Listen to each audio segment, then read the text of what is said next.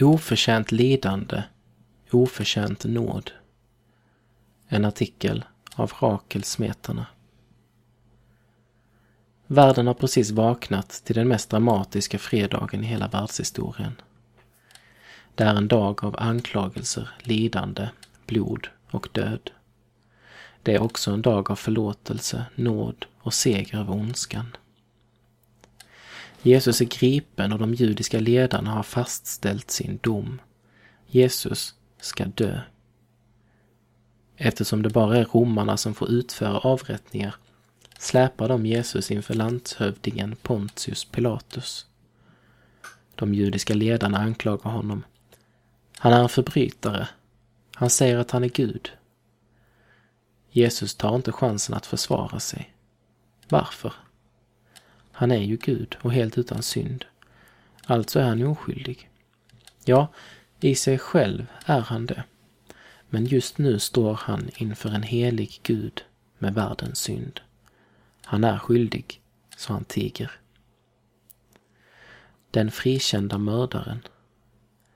Pilatus hittar inget fel hos Jesus, men han vet att om han inte gör som judarna vill så är det slut med hans karriär. Varje år brukar han frige en fånge. Kanske kan han använda sig av det för att slippa döma en oskyldig till döden. Han tar den värsta av fångarna, mördaren Barabbas, och låter folket välja mellan honom och Jesus. De ropar högt Frige Barabbas, korsfäst Jesus. Och min synd ropar med dem, korsfäst. Pilatus faller för trycket och Jesus överlämnas till bödlarna. Piskan viner över Jesus kropp, taggarna från törnbusken trycks in i hans huvud. Allt under hånfulla rop och skratt. Medan Jesus kropp trasas sönder av piskslagen öppnas dörren ner i fängelsehålan. Kedjorna lossas. Barabbas tittar förvånat upp. Det stod mellan dig och Jesus. Han dör i ditt ställe och du är fri. Nåd, helt oförtjänt. Den förlåtna brottslingen. Jesus och två brottslingar bär sina kors mot Golgata där de ska dö. Jesus blir svagare. Piskan har orsakat djupa sår och blodet rinner. Längs vägen stoppar soldaten en man som heter Simon och tvingar honom att bära Jesus kors. Klockan är runt nio på förmiddagen när Jesus spikas upp på korset tillsammans med brottslingarna. En på varje sida. De stämmer in i folkets hån. Om du är Gud så kliv ner från korset. Men det är inte spikarna som håller honom kvar på korset. Nej, det är kärleken till både brottslingarna och dig och mig. Plötsligt händer det något med en av brottslingarna. Att se hur Jesus bemöter förakt med kärlek griper tag i honom. Mötet med Jesus skapar tro i hans hjärta. Han tillrättavisar den andra brottslingen och vänder sig till Jesus med orden Tänk på mig när du kommer till ditt rike. Jesus armar redan utsträckta. Famnen är vidöppen. Jag säger dig sanningen. Idag ska du vara med mig i paradiset. Nåd, helt oförtjänt. Vägen är öppen. Mitt på dagen blir plötsligt allt kolsvart. Jesus, världens ljus, kämpar mot mörkrets makter. Dödsångesten griper tag i honom. Jesus utkämpar tre timmars kamp innan han ropar Det är fullbordat och ger upp andan. Kampen är över. Jesus är död. Men på samma gång blir döden besegrad. Döden behöver inte längre vara slutdestinationen. För Jesus dog i människans ställe.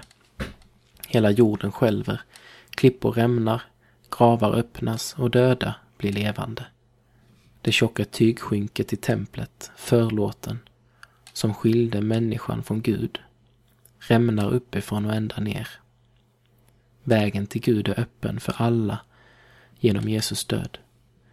Vi får tillsammans med officeren som korsfäste Jesus utbrista.